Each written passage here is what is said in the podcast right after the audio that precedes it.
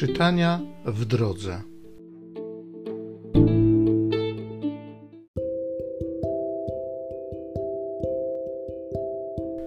Z księgi proroka Izajasza. Powiedzcie małodusznym odwagi, nie bójcie się. Oto wasz Bóg, oto pomsta.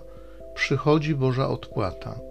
On sam przychodzi, by was zbawić. Wtedy przejrzą oczy niewidomych i uszy głuchych się otworzą. Wtedy chromy wyskoczy jak jeleń i język niemych wesoło wykrzyknie. Bo wytrysną zdroje wód na pustyni i strumienie na stepie.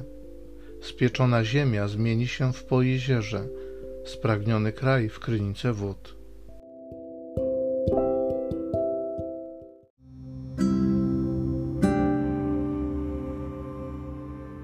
Z Psalmu 146 Chwal duszo moja Pana, Stwórcę swego.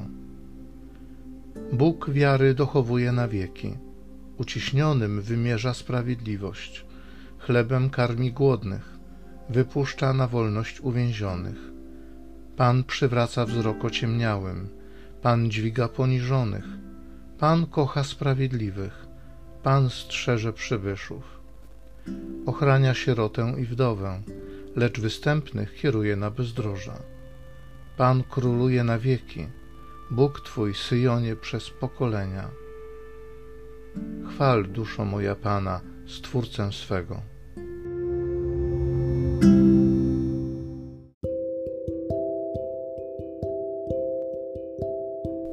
Z listu świętego Jakuba apostoła.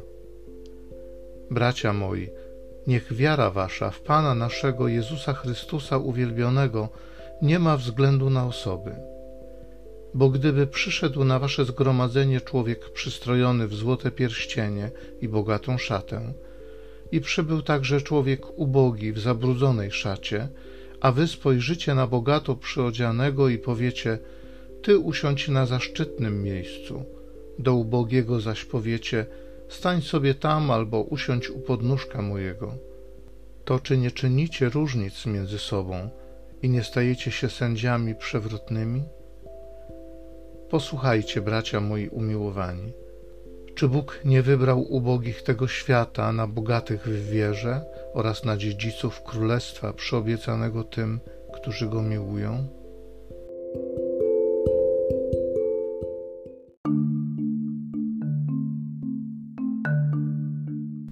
Jezus głosił Ewangelię o królestwie i leczył wszelkie choroby wśród ludu.